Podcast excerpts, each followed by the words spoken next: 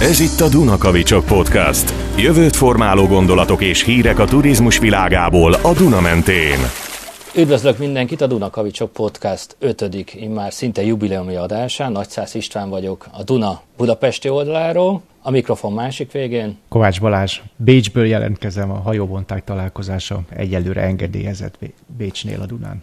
Jó a vízállás. Lassan itt a húsvét, ez miért fontos nekünk, hisz a kereszténység egyik legnagyobb ünnepe, és Jézus keresztre feszítése után egy harmadik napon vasárnap feltámad. Ez a feltámadás a mi iparágunknak egy nagy vágya. Ha belegondolunk, tavaly 2020. március 11-én itt legalábbis Magyarországon már országos vészhelyzet volt. Én március 16-án zártam be egyik szállodát, amiért felelek itt Budapesten, és egy éve is abban hittünk, hogy húsvétkor feltámadás lesz. Most eltelt egy év. Még akkor István, igen, naívak voltunk hát nem tudtunk semmit a vírusról, mondhatnám, hogy a vírus se rólunk, de ez nem segít ki minket. Itt van újra húsvét, és újra megint csak reménykedhetünk. Egy nagy különbséget én azért látok, megmondom őszintén, hogy oltási ütem különböző országonként különbözően, de, az oltás üteme szépen halad, és azért ez egy sokkal megalapozottabb reményt ad a, ad a nyitásra és akár itt Magyarország az első EU ország lehetünk, ahol a turizmust érintően komoly lazítások várhatólag. Balázs, nálatok ott a mintalaborban Ausztriában, hogy álltok ebben? Hát azt hiszem, múltkor ott fejeztük be, hogy ugye mindig két hétre áll Ausztria attól, hogy turisztikai értelemben újra nyithat, vagy kinyithat, vagy visszanyithat mióta beszéltünk, azóta a helyzet nem változott, sőt némiképpen talán romlott is, mert most eltűnt ez az utolsó remény, hogy itt március 27-én, tehát húsvét előtt már megnyithatnak a, legalább a kávézók, meg az éttermeknek a teraszai. Most ezt kitolták valamikor áprilisra, konkrét dátum nélkül, és nagyjából Ausztria most úgy néz ki, anélkül, hogy itt nagyon untatnánk a részletekkel a hallgatókat, majd a részletes jelentést a Facebook oldalán a Dunakavicsoknak elolvashatja, akit érdekel, majd kitesszük. De nagyjából azt lehet mondani, hogy mint a középkori Magyarország, három része szakadt Ausztria. Ugye van a kísérleti laboron belüli kísérleti labor, ez Foralberg, a legnyugati település, ahol tényleg március 15-e kinyithattak a az éttermek mind beltéri, mind kültéri használatra, kulturális eseményeket, sporteseményeket nagyon korlátozottan és szigorú szabályok mentén, de lehet már szervezni. Tapasztalatok? Tapasztalat az, hogy nem kapkodták el a, a kollégák, tehát se a éttermekbe, se a kulturális rendezvényeken, mert ugye ez annyira már nem szezon, a főszezon még távol van. Aha.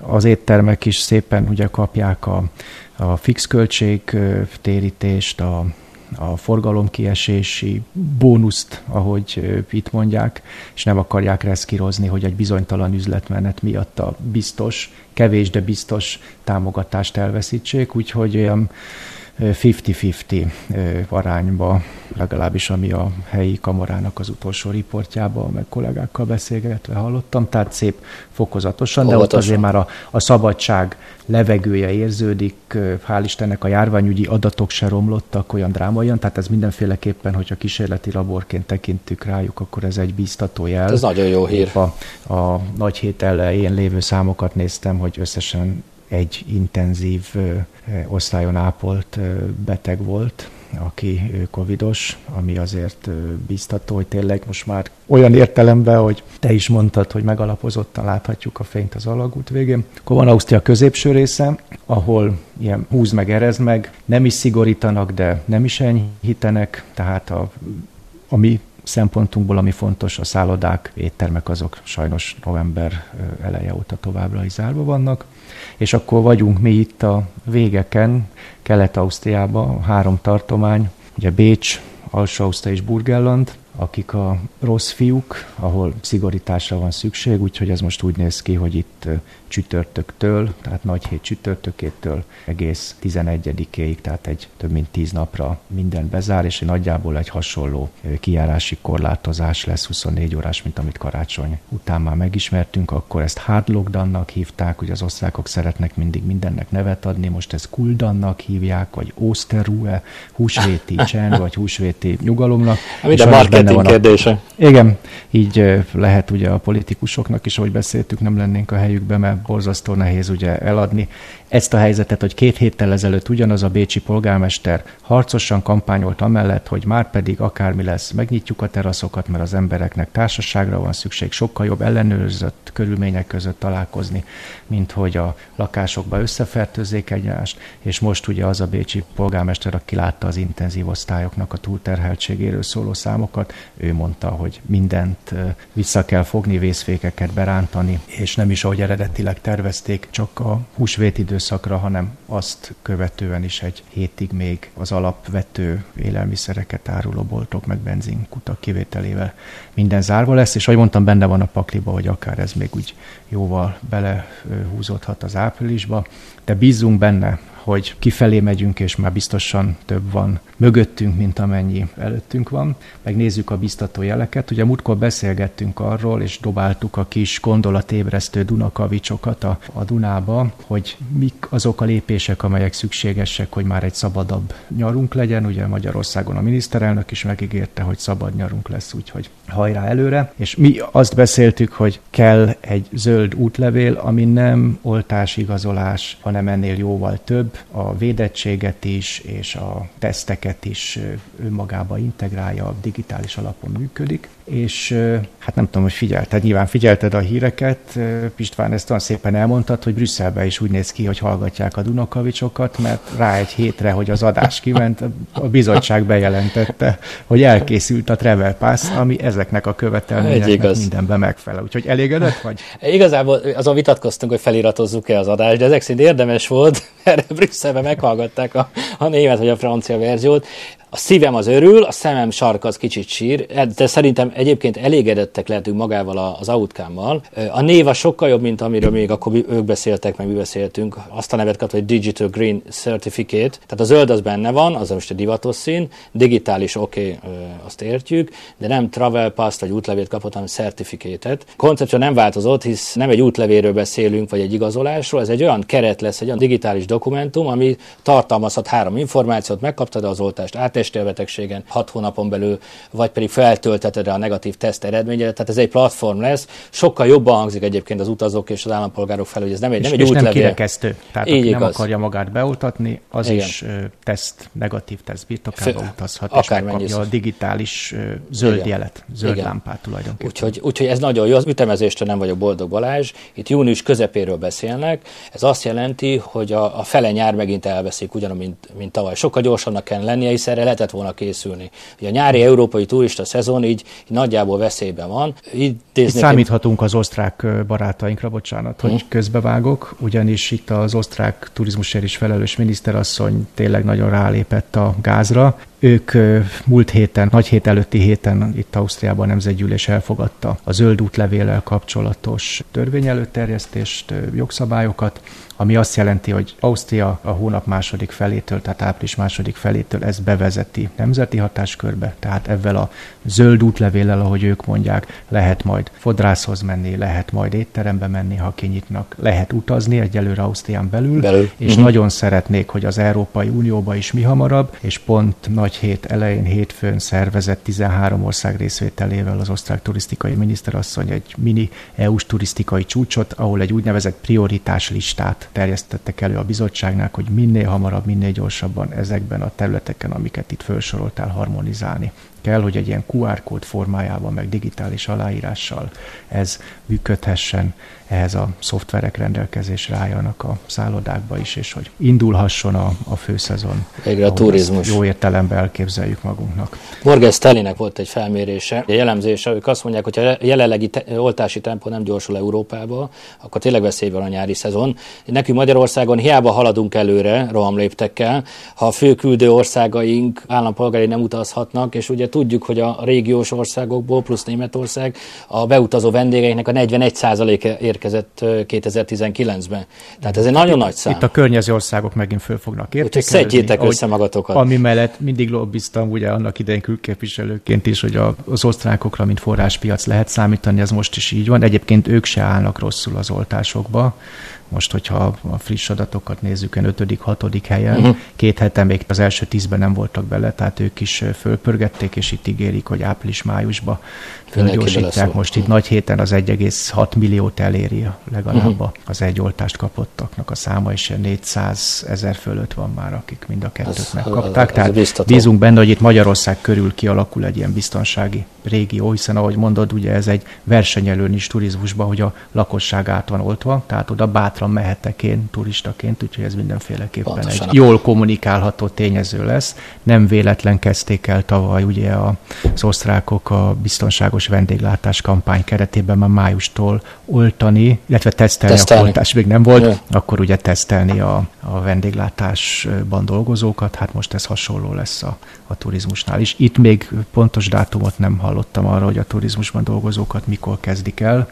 Itt most elsősorban az időseken van a hangsúly, az 50 év felettiek májusig le kell, hogy menjen, május végéig le kell, hogy menjen, és akkor utána indulhat a Hát a horvátoknál, ahol ugye 20% a GDP-nek a turizmus, ők most elkezdik a, a turizmusra dolgozók oltását, hisz nagyon fontos nekik a szezon, és ha kicsit visszalépünk még a v még távolabbra, én egyébként azt a vitát látom EU-n belül, hogy vannak a, a, a turisztikailag ö, ö, importőr országok, meg az exportőr országok. Most egy északi, skandináv vagy német államnak nem feltétlenül érdeke az, hogy... A fogadó ország, igen. Hát igen, ugye ő küldi a hmm. turistákat, tehát nettó befizető ebbe a bizniszbe. A déliek, spanyolok olaszok, görögök, igen, ők, akik a fogadó országok. Igen, uh-huh. igen, igen. Tehát ha nem indul újra a turizmus, akkor ennek az egész leállásnak a költsége most újra a déli országok fizetik, és a, a szakadék Észak és Dél-Európa között gazdaságilag megint növekedni fog. Tehát ezek azért nagy erők mozognak a háttérbe. De mi történt meg itthon? Kijött a nemzeti konzultáció eredménye, erről beszéltünk az előző adásban, milyen kérdések voltak. 530 ezer kitöltés volt. Megmondom hogy körülbelül erre vártam, nem gondoltam, hogy ilyen százalékban, majdnem 90 százaléka azt mondta a válaszadóknak, hogy a járványügyi korlátozásokat lépcsőzetesen lépésről lépésre kell feloldani. Óvatos duhaj mondják. Igen, így igaz. És a résztvevők kétharmada ért egyet azzal, hogy a védettségi igazolványa rendelkezők felmentést kapjanak egyes korlátozó intézkedések alól. Magyarul, ahogy te is mondod Ausztriába, valószínűleg úgy fognak dönteni a politikusok, hogy étterembe, kávézóba, szállodába lehet, hogy hamarabb tud menni, aki már megkapta az oltást, vagy, vagy védett valami úton. Ami még biztatóbb nekünk turizmusban dolgozóknak, az éttermek és szállodák nyitása ügyében a támogatottság 87 százalék. Tehát majdnem 90 százalék az embereknek azt gondolja, hogy nyitni kell az éttermeket. Tehát, hogy szükséges mindennapi élet része Igen. már, hogy éttermekbe mennek a... Zárójelben mondom, hogy a fitness termeknek csak kétharmada, 67 százaléka, tehát hogy a magyar ember jobban szeret enni, inni, wellnesselni, mint sportolni. listán az éttermek jobb helyen szerepelnek. Hát Ausztriában nem volt konzultáció, de a felmérések a kamarának vannak rendszeres ilyen szondázó felmérése, és ebbe a formátumban, hogy a zöld útlevéről vagy a zöld passzusról beszéltük, ebben a formában az osztrákok is támogatják, és 66 százalékuk, tehát két harmaduk mondta azt, hogy ebben a formában egyetértenek velük, hogy akinek zöld útlevele van, az előnyt érvezzem. Hogy az férhessen könnyebben hozzá ezekhez a szenzitívebb szolgáltatásokhoz. Látod, Balázs, ilyen pozitív, hát már a nyitás részleteiről beszélünk, majd adunk egy-két ötletet Igen. a döntéshozóknak. Bár, ahhoz... bár sokkal érdekesebb és fontosabb témánk van mára, illetve fontosabb nem, de érdekesebb. Érdekesebb, a... jövőbe mutatóbb. Ahhoz, hogy tudjunk nyitni, vagy nyissunk, hosszú távon az az ország vagy főváros jár jól, ahol vannak víziók, vannak jövőképek, turisztikai stratégiák, és erről fogunk beszélgetni a mai adásban. Bécs és Budapest turizmusának a jövőjét, és azt meghatározó stratégiákat fogjuk egy kicsit elemezni, az erősségeket, gyengeségeket, termékeket összehasonlítani, Bécs, Budapest, hogy versenyzik egymással a vendégekért, hogyan lesz a tervekből gyakorlat, lesz egyáltalán.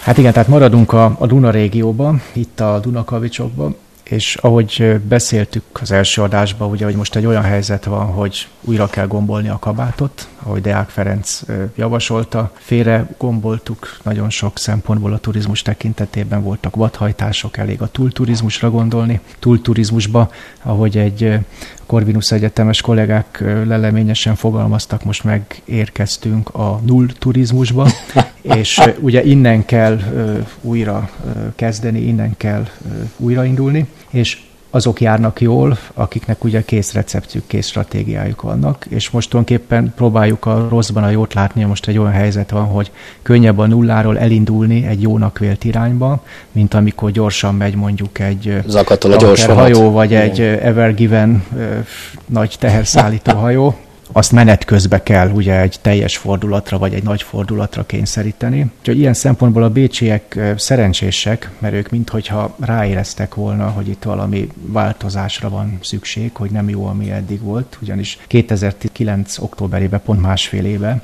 emlékszem arra a rendezvényre, amikor a bécsi turisztika a Norbert Kettner kiállt, hogy bemutassa az új stratégiájukat, és ugye azt mondta, hogy ő már rettentően unja, 2007 óta a turisztika igazgató, és tulajdonképpen 2009 óta semmi más nem csinál, mint minden hónapban kiáll, és elmondja, hogy soha nem látott jó eredményeink vannak, megint nőtt a vendégészaka, nőttek a bevételek, és ez évről évre így ment, és mindannyian kicsit éreztük, hogy ez nem lesz föntartható, meg egy bizonyos ide után már nehéz növekedni, de ez így ment, és nagyon unalmas, és ezért mást kell csinálni. És ők akkor jöttek elő a vizitor ökonómia, vagy látogató ökonómia stratégiával, hiszen azt mondják, hogy volt a hőskor, 70-es, 80-as évek, az idegenforgalom, a Fremdenverkehr, majd megérkeztünk a turizmus idejébe, ez a 80-as évek második fele, itt Ausztriában, Magyarországon inkább a 90-es évek és az ezredforduló évei, amikor a turizmus kifejezetten a biznisz megközelítés uralta, hogy hogyan lehet ebből üzletet csinálni, és a, Még több a mennyiség a fontos, és pénzt, és vezető iparágként kezelték ugye nagyon sok országban, hanem itt a jövővel, a fenntarthatósággal, a vadhajtások visszanyesésével kell foglalkozni, és ők azt mondták, hogy ennek a megoldás már nem turizmusról, már nem is szabadidőgazdaságról, hanem látogató ekonómiáról beszélünk, és 2019. októberében prezentálták ezt az új stratégiát, ami tulajdonképpen egy paradigmaváltás mindennel, ami volt. Azért mondom, hogy jó az időzítés, mert ha megérezték volna, mert rá négy hónapra tényleg leállt minden. Újra kell kezdeni a dolgokat, teljesen más szemléletről, ami tulajdonképpen egy egyszerű szenthármasságon alapul, hogy a helyben élő, a turizmusban vagy a látogató ökonómiában dolgozó, és végül, de nem utolsó sorban, akit korábban turistának hívjuk, nevezzük most látogató, jól érezze magát az adott helyen, és már nem turisztikai destinációról, meg fogadó területről, meg a helyben élők lakókörnyezetéről és életteréről beszélnek, hanem minőségi élménytéré és a város menedzsment, és a hangsúly a menedzsmenten van, tehát már nem kell annyira a marketingre helyezni a hangsúlyt, hanem a jó értelembe vett látogató, optimalizáció, vendégforgalom, terelés és a destináció vagy az élménytér menedzsmentre kell a hangsúlyt helyezni. Ennek a Szent Hármasságnak a, az érdekébe. Kicsit hasonlóan gondolkodva, mint annak idején ugye Kennedy mondta, hogy ne azt nézd, hogy a, az ország mit ad neked, hanem te mit adhatsz az országnak. Bécsben így fordították meg a gondolkodásmódot, hogy ne azt nézd, hogy a város mit adhat a turistának, hanem a turista, a látogató mit adhat a városnak. Hogyan tudjuk az ő látogatását arra fordítani, hogy mindannyiunk életminősége javuljon, ezáltal gazdagodjunk a látogató élményekben, az itt élők pedig anyagi javakban, életminőségben. És akkor ez számos részlet kötődik, majd a Budapest stratégia részén úgyis belemegyünk, hogy akkor milyen részletei vannak ennek a látogató ökonómia stratégiának. Röviden, tömören, az életminőség és élménytér megközelítésű gondolkodás, és ehhez kötődnek majd ilyen fogalmak, mint city branding, meg place branding, hogy a város egyes területén új területeket kell létrehozni, és oda elhúzni, széthúzni a turista forgalmat. Hát amit a fenntarthatóság. Igen, igen, igen. Ugye felismerték a, a, a döntéshozók, meg a résztvevő turizmusnak, hogy milyen fontos az, hogy az ott élők is szeressék azt a várost, hisz akkor lesz hiteles. Hemész Prágába, belvárosba, nincsenek ott lakók. Ez egy héj, egy üres héj. Tehát állítom, ha most elmenni Prágába, az óvárosba, egy lélek sem jár arra. Turisztikailag sokkal érdekesebb, sokkal jobb a storytelling, hogyha olyan helyre mennek a turisták, ahol vannak helyiek, erről fogunk beszélgetni, és gondolom Bécs is felismer. A... Igen. Ha az ott lakó jól érzi magát, akkor a vendég is jó. Tehát, Igen, hogyha hozzá mennek... egyszerű recept, csak nehéz megvalósítani, vagy tudatosan kell megvalósítani, és nehéz úgy megvalósítani, hmm. mikor ugye jól megy, amikor gyorsan megy a csata. Igen, mert nehéz a szereplőket meggyőzni, mert a lóvé az jön. nagy a menetcél. Igen. Igen. Úgyhogy abban igazad hogy most kell, most kell, reboot, most kell az új programot telepíteni, a operációs rendszert. Úgyhogy igen, aktuális tervezés téma Budapesten is, itt megalakult a Budapestben ZRT, a főváros tulajdonában tavalyi évben, és az az ő egyik feladata, hogy egy turizmus stratégiát állítson elő Budapest részére. Bécstől biztos sokat tanulhatunk. Mondtad az életminőséget, hát 12. éve ugye Bécs vezeti a legjobb életminőségű város a világon, a Mercer Report szerint, azért erre büszkék lehettek, és meg kell néznünk, hogy Tibézse mit csináltak jól, ezt csináljuk 150 éve. Hát 1873-ban, amikor ugye Pest és Buda egyesült, ugye a, a monarchiának a két ikerfővárosa állt szembe egymással, és már akkor mi Budapesten irigykedtünk, hogy hogy, hogy megy a bécsi turizmus, az akkori vendéglátás. Bécsben az épült Budapesten is. Igen, igen, már akkor jellemző volt. Ez úgy egészséges hívta. versenyzés volt. Igen, meg kis irigykedés szerintem a részünkről, de a távolság nem csökkent. Tehát ugyanúgy a hátát nézzük Bécsnek, azt kell mondjam, akkor is volt ez egy jó munkamegosztás is azért kialakult a két város között, és én inkább ezt látom majd előremutatónak, hogy ez lenne, igen. hanem próbáljunk meg Egymást. közös pontokat találni, ahol szinergikusan együtt lehet működni. Igen. De ahogy mondod, az életminőség az valóban nagybetű itt Bécsben, tehát hogyha egy bécsi várospolitikus kinyitja a száját, akármilyen témába, fejemet teszem rá, merek fogadni, hogy biztos, hogy az első öt mondatba, vagy az első gondolatkörbe ez a Lebensqualität, az életminőség szó az elő fog kerülni, mert ők ezt tényleg így gondolják, és azért igyekeznek mindent meg is tenni, és nagyon büszkék, hogy már 12. év ez így van. Egyébként ez most idén így fog maradni biztos, mert Nálunk a Lebensmittel jön elő a politikusoknál. Igen. Nálatok a Lebensqualität, nálunk a Lebensmittel. Igen, nem készített a Mercel új jelentést, Aha. tavaly a Covid-válság miatt, ugye ez is a Covid-dal összefüggő téma, úgyhogy ebbe az évbe is biztos, hogy marad Pécs a világ legjobb életminőségi városa, de hát ezért meg kell dolgozni, és ennek tényleg nagyon sok összetevője van. Olyan is, ami adottság, hogy kinyitod a csapot és forrásvíz folyik benne, de olyan, hogy például elkészült a vizitor ökonomia stratégia, ami egy hosszú koncepcióalkotó munka, amiben már a mobilitás szolgáltatóktól kezdve a külföldiek véleményének embereknek a megkérdezése, az itt élő expatoknak a megkérdezése benne van, és tulajdonképpen ezek azok a szempontok, amik úgy élhetővé teszik, és ezt nagyon jól hangsúlyozzák. Tehát ha reggel kimegyek futni a parkba, nem tudom azt úgy megtenni, hogy ne találkozzak kiplakátolva a park bejáratánál ugye a nagy tábla, a futókörök, üdvözöljük a világ legjobb életminőségű városába, ott a sportért felelős városi tanácsunknak a porté, aki elmagyarázza, hogy milyen sportolási lehetőségek vannak itt a parkban. És ez tudatosodik az itt élőkbe is, és egy idő után ők ragaszkodnak hozzá, és nem véletlen, hogy a látogató ökonómia stratégiának egy nagyon fontos indikátora lesz, hogy a helyiek mennyire elégedettek a turizmussal, hogy az az ő életminőségüket rontja vagy javítja. Jelenleg a 2019-es felmérés, ugye értelemszerűen az utolsó, ott 90%-a a bécsieknek azt mondja, hogy a turizmus az gazdagítja a várost, és jó, hogy így van, és a vendégészakát azt elfelejtik, mint mérőszámot, és bejönnek ilyen soft indikátorok, mint a vendégelégedettség mérése. És ezek azok a szempontok, amiket szerintem mondjuk érdemes tőlük is ellesni. És ugye Budapesten is, ahogy mondtad, most készül a turizmus stratégia. Számomra örvendetes, hogy megindult a kommunikáció a két város között, volt szerencsém közvetíteni a két turisztika igazgató között. Egyeztettek is már egymással, és úgy tudom, hogy majd a stratégia bemutatásánál is kap szerepet valamilyen szempontból Bécs város, amiből arra engedek következtetni, vagy arra lehet következtetni, hogy ez a régiós gondolkodás stratégia alkotási szinten is, amit mi itt ugye a magunk szerény eszközeivel itt a podcaston keresztül is próbálnánk előmozdítani, hogy ez most nagyobb hangsúlyt fog kapni a jövőbe, ami, hogyha így lesz, akkor az illő és üdvös.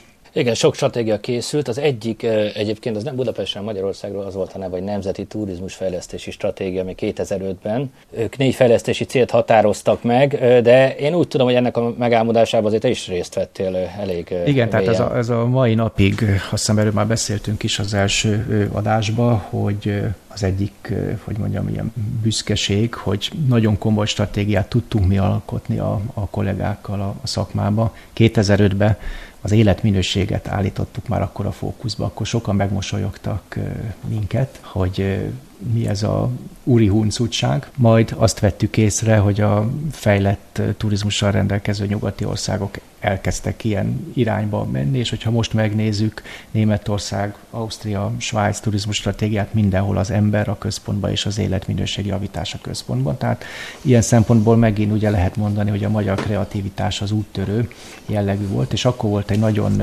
ambiciózus külképviselője Budapesten az Österreich Verbungnak, a Kapus György, a Kapus Gyuriként biztos sokan ismerik a szakmai hallgatók körül, aki hazaküldte, úgy tudom, akkor az Österreich Verbung a Bécsbe, hogy nézzétek meg a magyarok milyen jópofa stratégiát írnak, hogy életminőség és a turizmusnak az emberek boldogságához kell hozzájárulni, és a, a turizmus nem más, mint boldogsággyár, és boldogság pillanatokból áll össze egy élménylánc, amit a, az attrakciók és a szolgáltatások nyújtanak, és hogy, hogy nem. Egy-két évre rá az Österreich Verbung előjött a boldogság pillanat, Sommerglück, Urlaubsglück kampányokkal. Tehát kicsit úgy éreztem, hogy megint az a helyzet, mint ami a monarchiában volt, hogy a magyar kitalálja, az osztrák megvalósítja. Most az kéne, hogy közösen találjuk ki, és közösen valósítsuk meg. meg. És Egy akkor igaz. szerintem ez, ez egy sikeres recept így a jövőre nézve. De Budapesten is voltak stratégiák. Az egyikre, amire úgy jó szívvel emlékszem, az a Ugorjunk címet viselte 2010 kettőbe, és az tényleg, hogyha ilyen marketing szempontból néztük, az akkor egy nagyon jól előremutató stratégia volt. Ők vezették akkor be ennek a farvizén azt a jópofa logót, amire talán páran emlékeznek. Egy szívalak, de egy szalag volt megcsavarva úgy, hogy szívnek is lehetett nézni, B betűnek is lehetett nézni, és a Dunának Talán. is lehetett nézni, és itt a Dunakavicsok podcastban ezt szeretném ugye kiemelni, hogy a Duna, mint központi elem ott volt a logóba a kék színnel, ugyanakkor akkor a kreativitással, ebben a szalag koncepcióval, ami a végtelenséget is jelképezi, de ott volt benne a, a B betű is, meg a szív, tehát ez egy nagyon ötletes, innovatív dolog volt, de az inkább a marketingre és a brandingre helyezte a hangsúlyt, nem annyira a attrakciófejlesztésre. Így igaz. Tehát mi itt Budapest szemszögéből az ugorjunk stratégiával fogunk kiindulni, kielemezzük, hogy milyen erősségeket írtak akkor, jó pár évvel ezelőtt, De hogy állunk most. Ilyen igen, ami elkészült. Mit értünk el azokból? Bécs szemszögéből az az erősség éppen hogy szerepel? Hát kezdhetjük akkor dobálni a kis kavicsainkat, gondolat. vagy a nagyobbakat. Kavicsokat a, a vízben.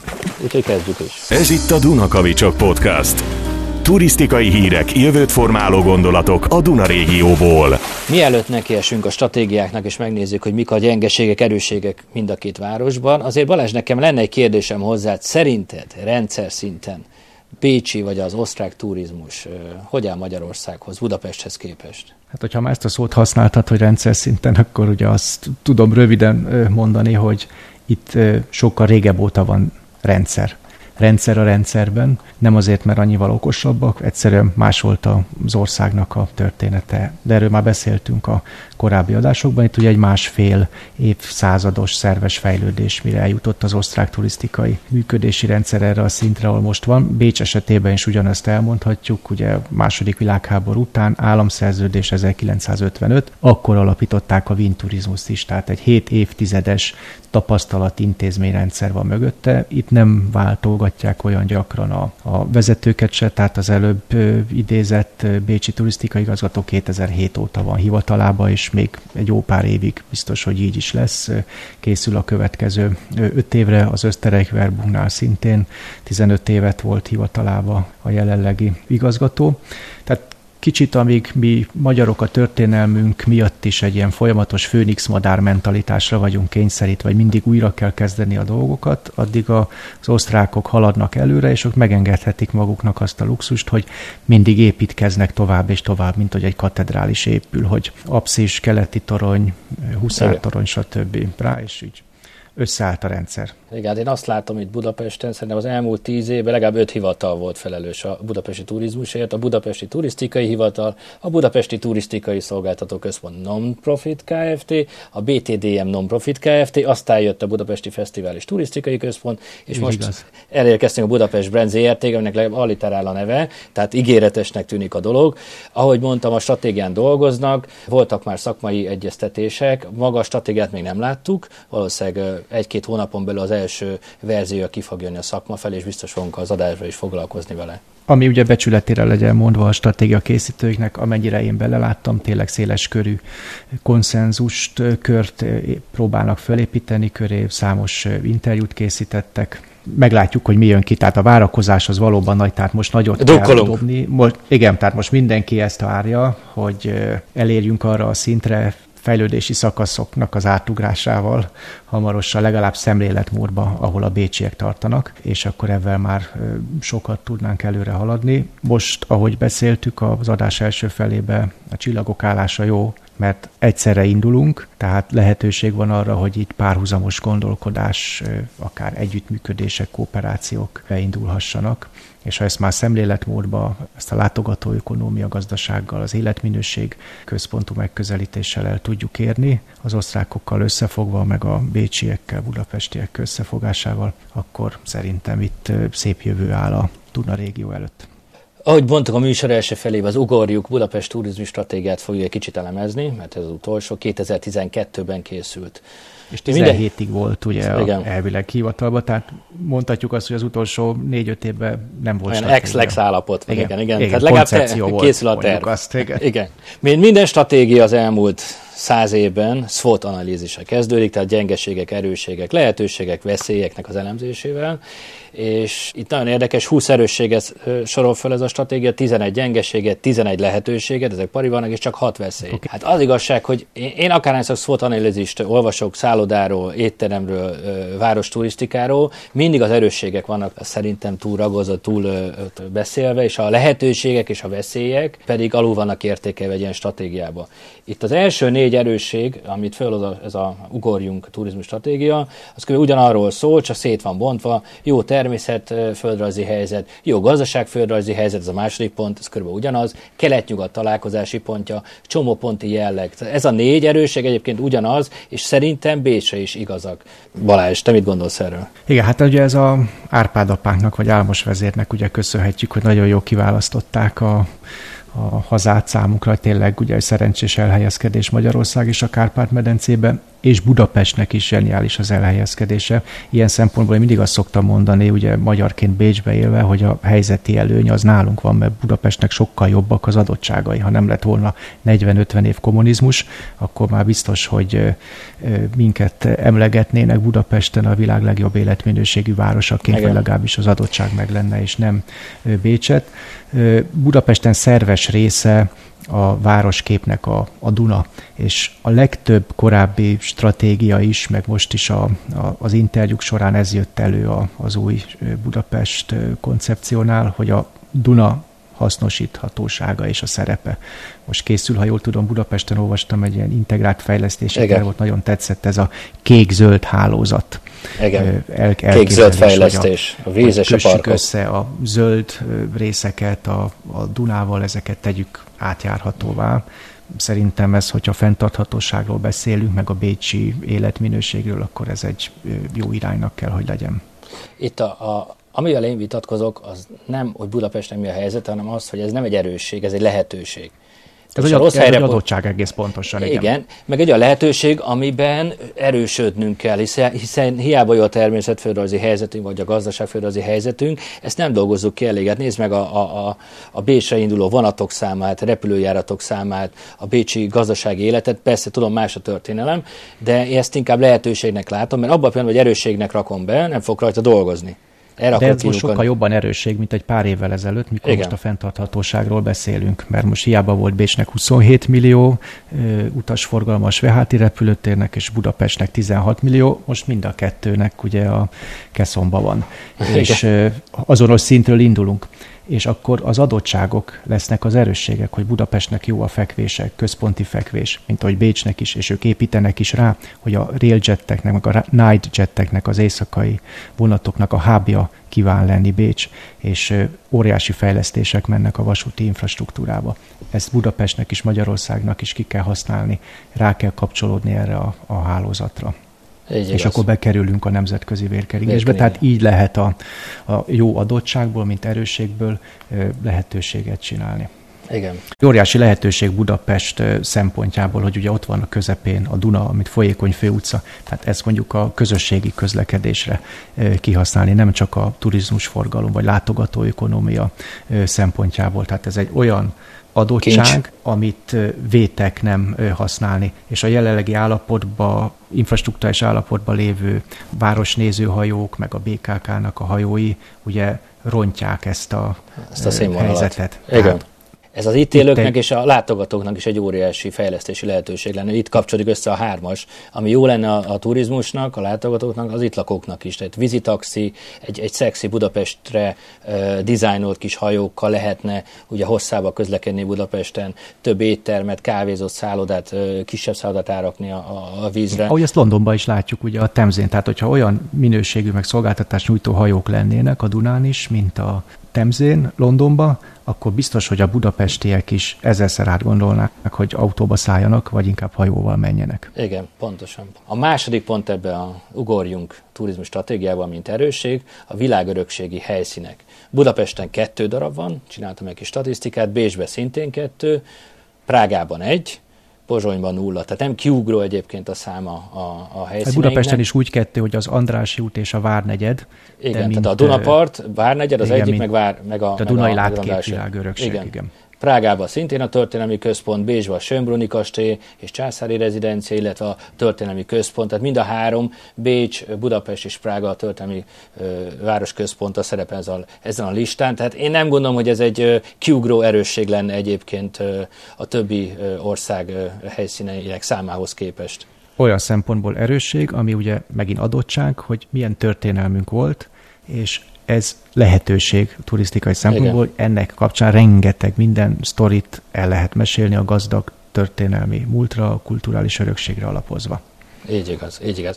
Még az is érdekesség, hogyha a, a, most nem Budapest vagy fővárosi szinten, hanem országot nézünk, cseheknél, Csehországban 14 világörökségi helyszín van, egész Csehországban. Tehát ők nagy energiát fektettek, hogy néztem a statisztikát az elmúlt tíz évben, hogy minél több vidéki turisztikai helyszín legyen világörökségi helyszín, vagy bekerüljön a listába. Egyébként ezen nekünk is gondolkodni kellene Magyarországon.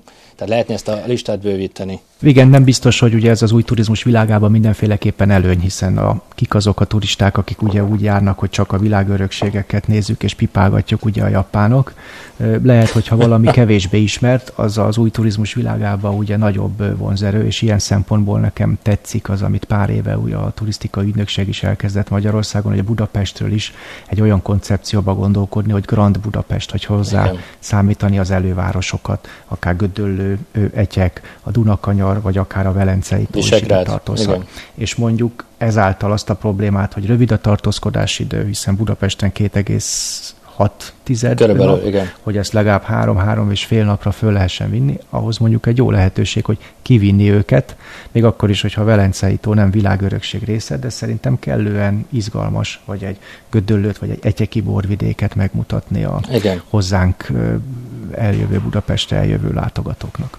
Igen, ez a Grand Budapest ez egy nagyon jó ötlet, és ha elég energiát fektetünk rá. Egyébként régebben emlékszel, egy, egy hortobágykör mindig benne volt a turistáknak, egy Dunakanyar mindig benne volt. Az elmúlt pár év city break jellegű látogatói megjelenésével csökkent le ez a, ez a, azoknak a száma, akik elutaztak Budapesten kívülre is egy-egy napos kirándulásra. Igen, és például érdekes megnézni, nem találkoztál szerintem te se avval, hogy akár az ugorjunkkal, vagy a korábban azt megelőző Budapest stratégiában, ami azt hiszem 2006-ból származik, hogy mondjuk a buli turizmus, meg ez a pesgő éjszakai kulturális élet, ami az elmúlt években ugye itt a túlturizmus jelenségéhez vezetett Budapesten, hogy az mint vágyott, óhajtott célkitűzés benne lett volna bármelyikbe is. Ez egy teljesen alulról jövő fejlődés Igen. volt, ami a, a városnak hozza, és hogyha irányítani kéne, akkor sokkal inkább itt a posztkorona időszakban én a természetes gyógytényezőkre utalnék, ahogy Bécs a legjobb életminőségű város, és a zöld területeket szokták kiemelni, meg az elhelyezkedés, nem vetekedhet egy világvárosa Budapesten abban a tekintetben, hogy mennyi gyógyfürdője van. Ugye 120 gyógyforrás, történelmi jelentőségi gyógyfürdők vannak, ami mint természetes gyógytényező föl kell, hogy értékelődjön. És hogy a korábbi adásokban beszéltünk, ugye te ötleted volt, hogy adjunk minden szállodában reggelihez C-vitamint, és meséljük el, hogy mik jók vagyunk higiéniában, meg jók vagyunk az egészségmegőrzésbe, és Szentgyörgyi, meg Szemmelvesztori. Ugyanígy be lehetne ö, hozni Budapestet, hogy egyfajta üdülőváros, gyógyítóváros, kulturális Igen. város, egy teljesen egyedi adottsággal és egy mixével a, a szolgáltatásoknak, ami egy olyan vonzerő lehet, ami minden megatrend egy irányba mutat ebben kapcsolatban. És ugye ez a múltunk része, találtam egy 1733-as útikönyvnek a másolatát, és ott már arról beszélnek, hogy ugyan turista látványosságban mi nem topzolott az akkori Pest vagy Buda, hanem de fürdők voltak, hős hőforrások. A főváros vezetése valamikor a 19. század végén kezdte el felismerni, hogy vízkincse milyen egyedülálló európai szinten fővárosok között, és erre fejezték a hangsúlyt már akkor is. Bár akkor még Budapest gyógyfürdőit inkább gyógyul lási szándékkal látogatták meg. Igen, ez a 30-as években jött ez Igen. a Budapest fürdőváros Igen. szlogen. Két világháború között, ez nagyon ment. Nagyon ment. És és akkor is ugye hasonló volt a helyzet, hogy nem volt nagyon az embereknek pénzük hova utazni külföldre, és akkor előjöttek ebből. Ilyen szempontból szerencsére ugye más a kiinduló pont, de az adottságok meg a lehetőségek hasonlóak. És ugye egy, egy fontos különbség Bécs és Budapest között, ha már itt a fürdőknél tartunk, hogy még Budapesten a fürdők 85%-át a turisták látogatták, és a fennmaradó 15% csak a belföldi, Bécsben ez pont fordítva van és Budapestnek itt ez egy hatalmas adottság, meg egy veszély is abból a szempontból, hogyha nem Sázi jönnek feladat. olyan szempontból nagy számban a turisták, mint korábban, akkor kivel töltjük? És Igen. maradnak a belföldiek. És ráadásul a posztkorona időszakban pont szükség van rehabilitációra. A magyar lakosság egyébként is pont mozgásszervi betegségekbe, reumatikus betegségekbe szenved, amire ezek a gyógyvizek kitűnően alkalmasak. Tehát sokszor nekem az az érzésem volt, hogy ott vagyunk egy terített asztal mellett, de éhen halunk. Tehát ott van a gyógyszer, ott van az élelmiszer, de nem jutunk hozzá. Hogy most mondjuk, és ez megint egy ilyen Dunakavicsok gondolat foszlány, lehet, hogy így beszélgetünk, jutott eszembe, hogy mondjuk egy olyan programot vagy projektet indítani, hogy a belföldieket arra ösztönözni, hogy gyógyulni menjenek Budapestre, meg a budapestieknek is gyógycsomagokat kidolgozni a posztkorona időszakra, amit akár a Széchenyi pihenőkártyán keresztül lehetne igénybe venni. Két legyet ütünk egy csapásra, javul az emberek életminősége, megoldás olyan problémákra, olyan betegségekre, ami népbetegség, tehát előbb-utóbb csökken majd az egészségbiztosítási kasszának a kiadása, másrészt meg munkához juttatja a fürdőszemélyzetét és az erre épülő szállodai infrastruktúrát. Pontosan. Hogy gyógyuljon Budapesten kampány a budapestieknek, a Budapest környékén élők, vagy akár a távolabb élő ö, magyaroknak is. Mert amit láttunk nyáron, ami volt kampány Bécsbe és Budapesten is, hogy ismert meg a saját fővárosodat, igazából nem volt sikeres. Nem, Egyrészt, nem volt nem mondani volt valója, idő, nem fókusz. Nem volt, nem volt fókusz. Nem volt idő, idős bevezetni se, meg nem volt mögötte egy olyan termék.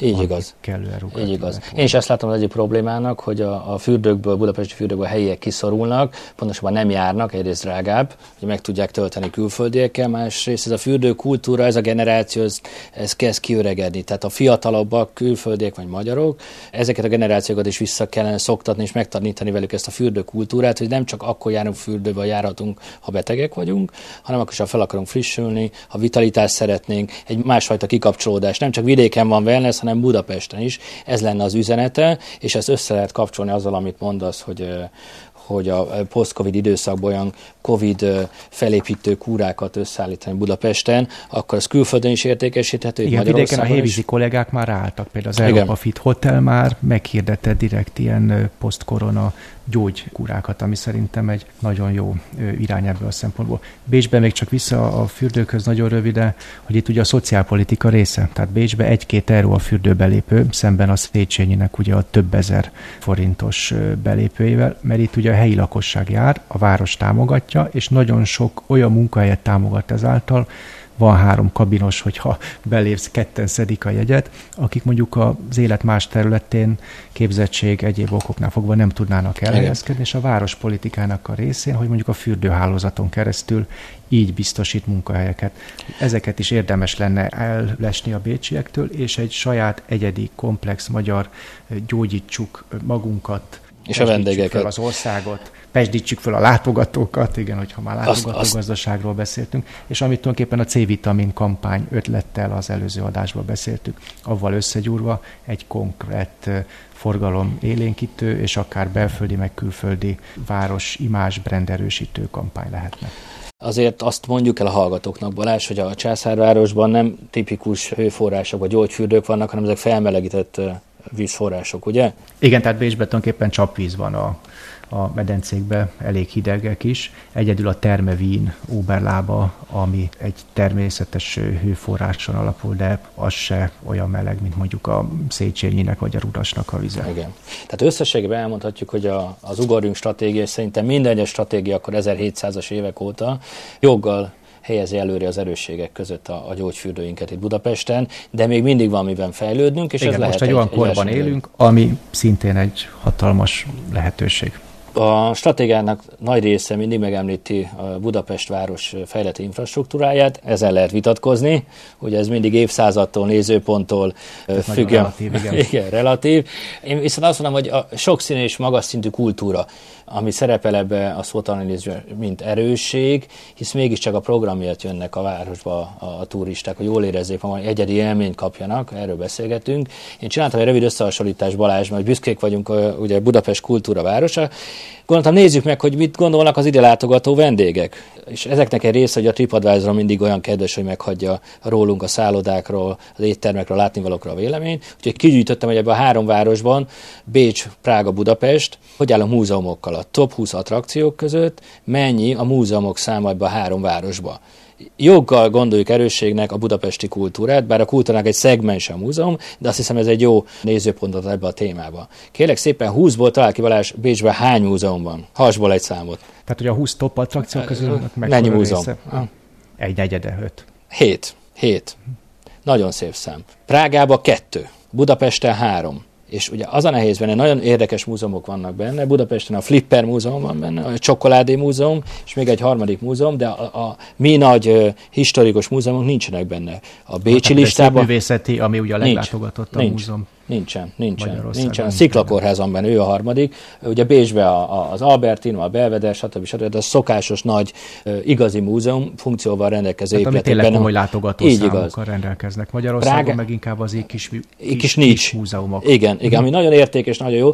Az érdekesség benne a Flipper Múzeum és Csoki Múzeum szerintem privát kezdeményezésbe jött létre, és a Flipper Múzeumnak konkrétan tudom, hogy privát kezdeményezés privát tőkéből. A Szikla kórházban nem vagyok biztos, ez egy nagyon érdekes hely, kicsit avitos, de én ajánlom egyébként turistáknak, mert, mert egy egyedi látnivaló, de ez is mutatja, hogy és, és rengeteg történelmi tényt el lehet mesélni a 56-os forradalom előtte, a Stb. második világháború kapcsán. Tehát nem akarom ezeket le, leszólni, ezeket a mhm. múzeumokat, de a sajnálatos, hogy a, azok a turisták, akik Budapesten járnak, a top 20 attrakcióba az mi igazi múzeumunkat nem rakja bele. Tehát vagy a múzeumokkal kell dolgoznunk, vagy nem olyan turisták jönnek, akik ezt a kultúrát értékelik, mm. vala kettő között az igazság, de nem mondhatnám, hogy Budapest erőssége a kultúra szerinted. De hogy látod ezt? Hát egyszer, amikor még a külképviselő voltam, akkor ugye összeszámoltuk, hogy Bécsbe azt hiszem csak klasszikus koncertek egy napra tízezer ülőhely van.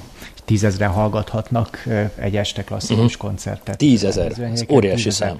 Budapesten ez, hogyha még az Erkel színháznak, ugye, ami a legnagyobb befogadó képességű színház a 2000 fővel, azt is beleszámoltuk, akkor olyan 5000-nél megálltunk ha még a nagyobb színházakat is hozzávettük. Tehát nagy a különbség, tehát pont így a kultúra vonatkozásában, hogy Bécs eleve, meg ugye Ausztria nagy hatalomként adja el magát, főleg a zenei kultúrára, Mozart, Strauss keringő, tehát ugye ezekkel a klisékkel operálva. De nekünk például van egy budapesti, vagy volt egy budapesti tavaszi fesztiválunk, ami Igen. az egyetlen olyan zászlós hajó rendezvény volt a nagy meg a rendezvények között, kulturális rendezvények között, amit Ausztriában is nagyon jól tudtunk értékesíteni. Most ugye ott egy kicsit megbicsaklott ennek. Átalakulóban hogy, a, hogy az állam, tehát egy egy új koncepciót tesz mögé.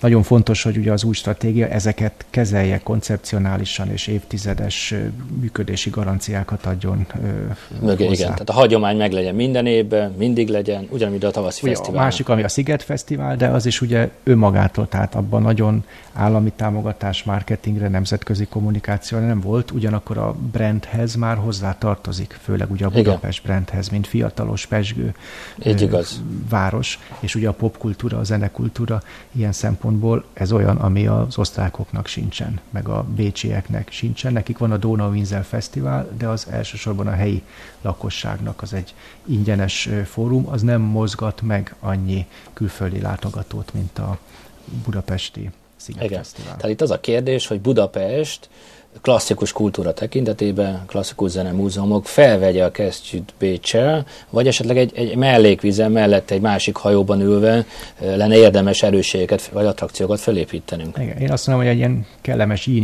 hogy kiegészítik egymást, meg lehetne Bécsel csinálni, ellenpontozni. Bécs az én szempontomból egy kicsit ilyen avittasabb, inkább az imperiális örökség, Budapest meg a frissebb, pesgőbb, ugyanakkor a, az épületek állapotát nézzük. Exotikus. A történelmi viseletesség ugye ott van rajta, és ezáltal sokak számára ugye sokkal ö, érdekesebb is. És autentikusabb. Hogy ugye velünk élő történelem, és ebben nagyon szépen ki lehetne egészíteni Bécs és Budapest kínálatát mondjuk a harmadik piac turista. Igen. Itt a jazz zene, tehát lehetne Budapest jazz régiós fővárosa. Tehát ott például labdába rúghatnánk Bécs, Pozsony, Prága mellett mert Prágában jazz Igen, és ilyen termékfejlesztés, úgyhogy most már szólhatunk a hallgatóknak, hogy a következő adásban pont erről gondolkodunk, hogy mi az, amit közösen lehetne csinálni a két városnak, vagy a két város között. Ugye itt van még Pozsony is. Igen. Megnézni, hogy mondjuk a három Dunamenti főváros mibe tudna összefogni, milyen közös termékfejlesztési lehetőségek vannak, akkor szerintem itt az új turizmus világába nagyot lehetne alkotni. De még mielőtt előre szaladnánk a hatodik következő adáshoz, még szerintem egy-két érdemes itt fölvetni, ha más nem csak ilyen slágvortokba, hogy mi az, amit itt a Bécs-Budapest egymástól tanulhatna. Ugye vendégelégedettség, ahogy te is mondod, meglepő, hogy ugye a TripAdvisor-on a vendégek másképp rangsorolják, megértékelik a budapesti múzeumokat, mint ahogy mi gondolkodunk róla. Igen. De fontos lenne Budapesten többször nem tudom, hogy ki méri, vagy hogy mérik, hogy a vendég mennyire elégedett. Ugye a Bécsi látogatógazdaság stratégiában az egyik fő indikátor az lesz, hogy az ide látogatók és az itt élők mennyire elégedettek. És mind a két kategóriában az a cél, hogy ez 90% alá ne menjen. Ha Igen. alá megy, akkor intézkedésekre van szükség, hogy ugye azt ellenkormányozzák. Hát meg egy stratégia, az reálisan kell magunkat látnunk, Balázs. Tehát gondolom a budapesti stratégia előtt megkérdezték a ide látogató tipikus vendégszegmenseket, hogy mit gondolnak Budapestről, mit szeretnének remélem. Budapestet látni. Igen, meg kik azok a tipikus vendégek hogyan lehet őket megszólítani, milyen célcsoportokba gondolkodhatunk. Szállodás vagy ugye te is a Bécsi látogató gazdaságstratégiának szintén egy másik fő indikátora, hogy mondjuk a fenntarthatóság vagy zöld szálloda certifikáttal igazolással rendelkező minősített szállodák száma duplázódjon meg 2025-ig a korábbi helyzethez képest, hogy vannak erre kezdeményezések, mondjuk nálatok a Szálloda Szövetség foglalkozik ebben a Igen, zöld szállodával. Igen, ez foglalkozik. Ez egy indikátor Lehetne. legyen, és hogy ezt be kell bizony a stratégiákban is építeni, hogy ez egy fontos iránymutató legyen, hogy jó irányba haladunk, közelítünk-e a cél felé, vagy távolodunk tőle. Jó helyen kapizsgálsz, tehát a Szálloda Szövetségnek igen van egy zöld szálloda pályázata, minden évben, hosszú évek óta sok energiát beleraktak ebbe a rendszernek a felépítésébe. Én úgy gondolom, hogy, hogy jó úton halad ez a, a zöld szálloda Magyarországon, de ezt egy kicsit nemzetközi kellene tenni, tehát hogy a, a külföldi utazóknak is mondjon valamit, ne egy önigazolás legyen a szállodák fel, hogy igen, mindent megteszünk, hanem ezt ki tudjuk rakni az asztalra, és azt mondjuk, hogy igen, mi mások vagyunk, ez az ország, ez a város vállalkozóinak fontos, hogy az öko lábnyomuk sokkal kisebb legyen, mint esetleg más városokban a világon. De igen, ez fontos lenne. És ugye az egyik ilyen, ami a fenntarthatóságot segíti, ez a digitalizáció. Tehát most ugye minden erővel a meglévő turisztikai szolgáltatásokat, attrakciókat, mindent ugye az online térbe át kell tenni, foglalhatóvá, összehasonlíthatóvá, Igen. elérhetővé kell tenni. Ez a bécsieknek is nagy célja, és itt látok még egy lehetőséget, hogy mondjuk egy közös digitális városkártyát, vagy egy Duna élménykártyát fejleszteni, amit föl lehet aztán kínálni a bécsi látogatóknak, hogy jöjjenek el Budapestre, vagy fordítva. Vagy Pozsonyba, de igen, a három várost így valahogy összefűzni. Igen, meg a MICE turizmus területén, hogy akár leisure, ugye ez a business és leisure, hogy közös városkártyákat fölnyújtani. Tehát számos lehetőség lenne itt, és úgy érzem, hogy az idő az halad, és fontos lenne, hogy ezek úgy összefussanak, meg összeérjenek.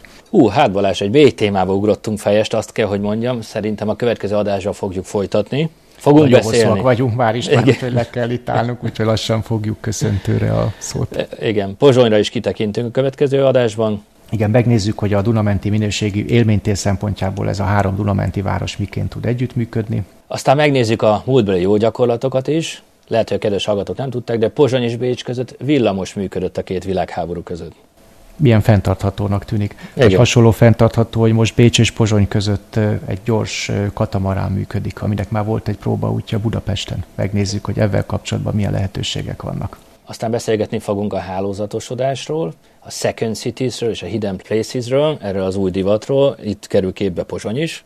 És olvastam egy friss kutatást a Euromonitorról, friss turisztikai fenntarthatósági indexéről, egy nagyon érdekes ranking, amiben az általunk Dunamenti régiónak nevezett országok, Ausztria, Magyarország és a környező országok külön-külön kategóriákban, meg összessége is nagyon jó helyezést értek el. Számomra meglepő volt. Ez is itt egy olyan lehetőség, amire lehet alapozni a kommunikációban is, meg a termékfejlesztésben Igen. is. Pozitív üzenet.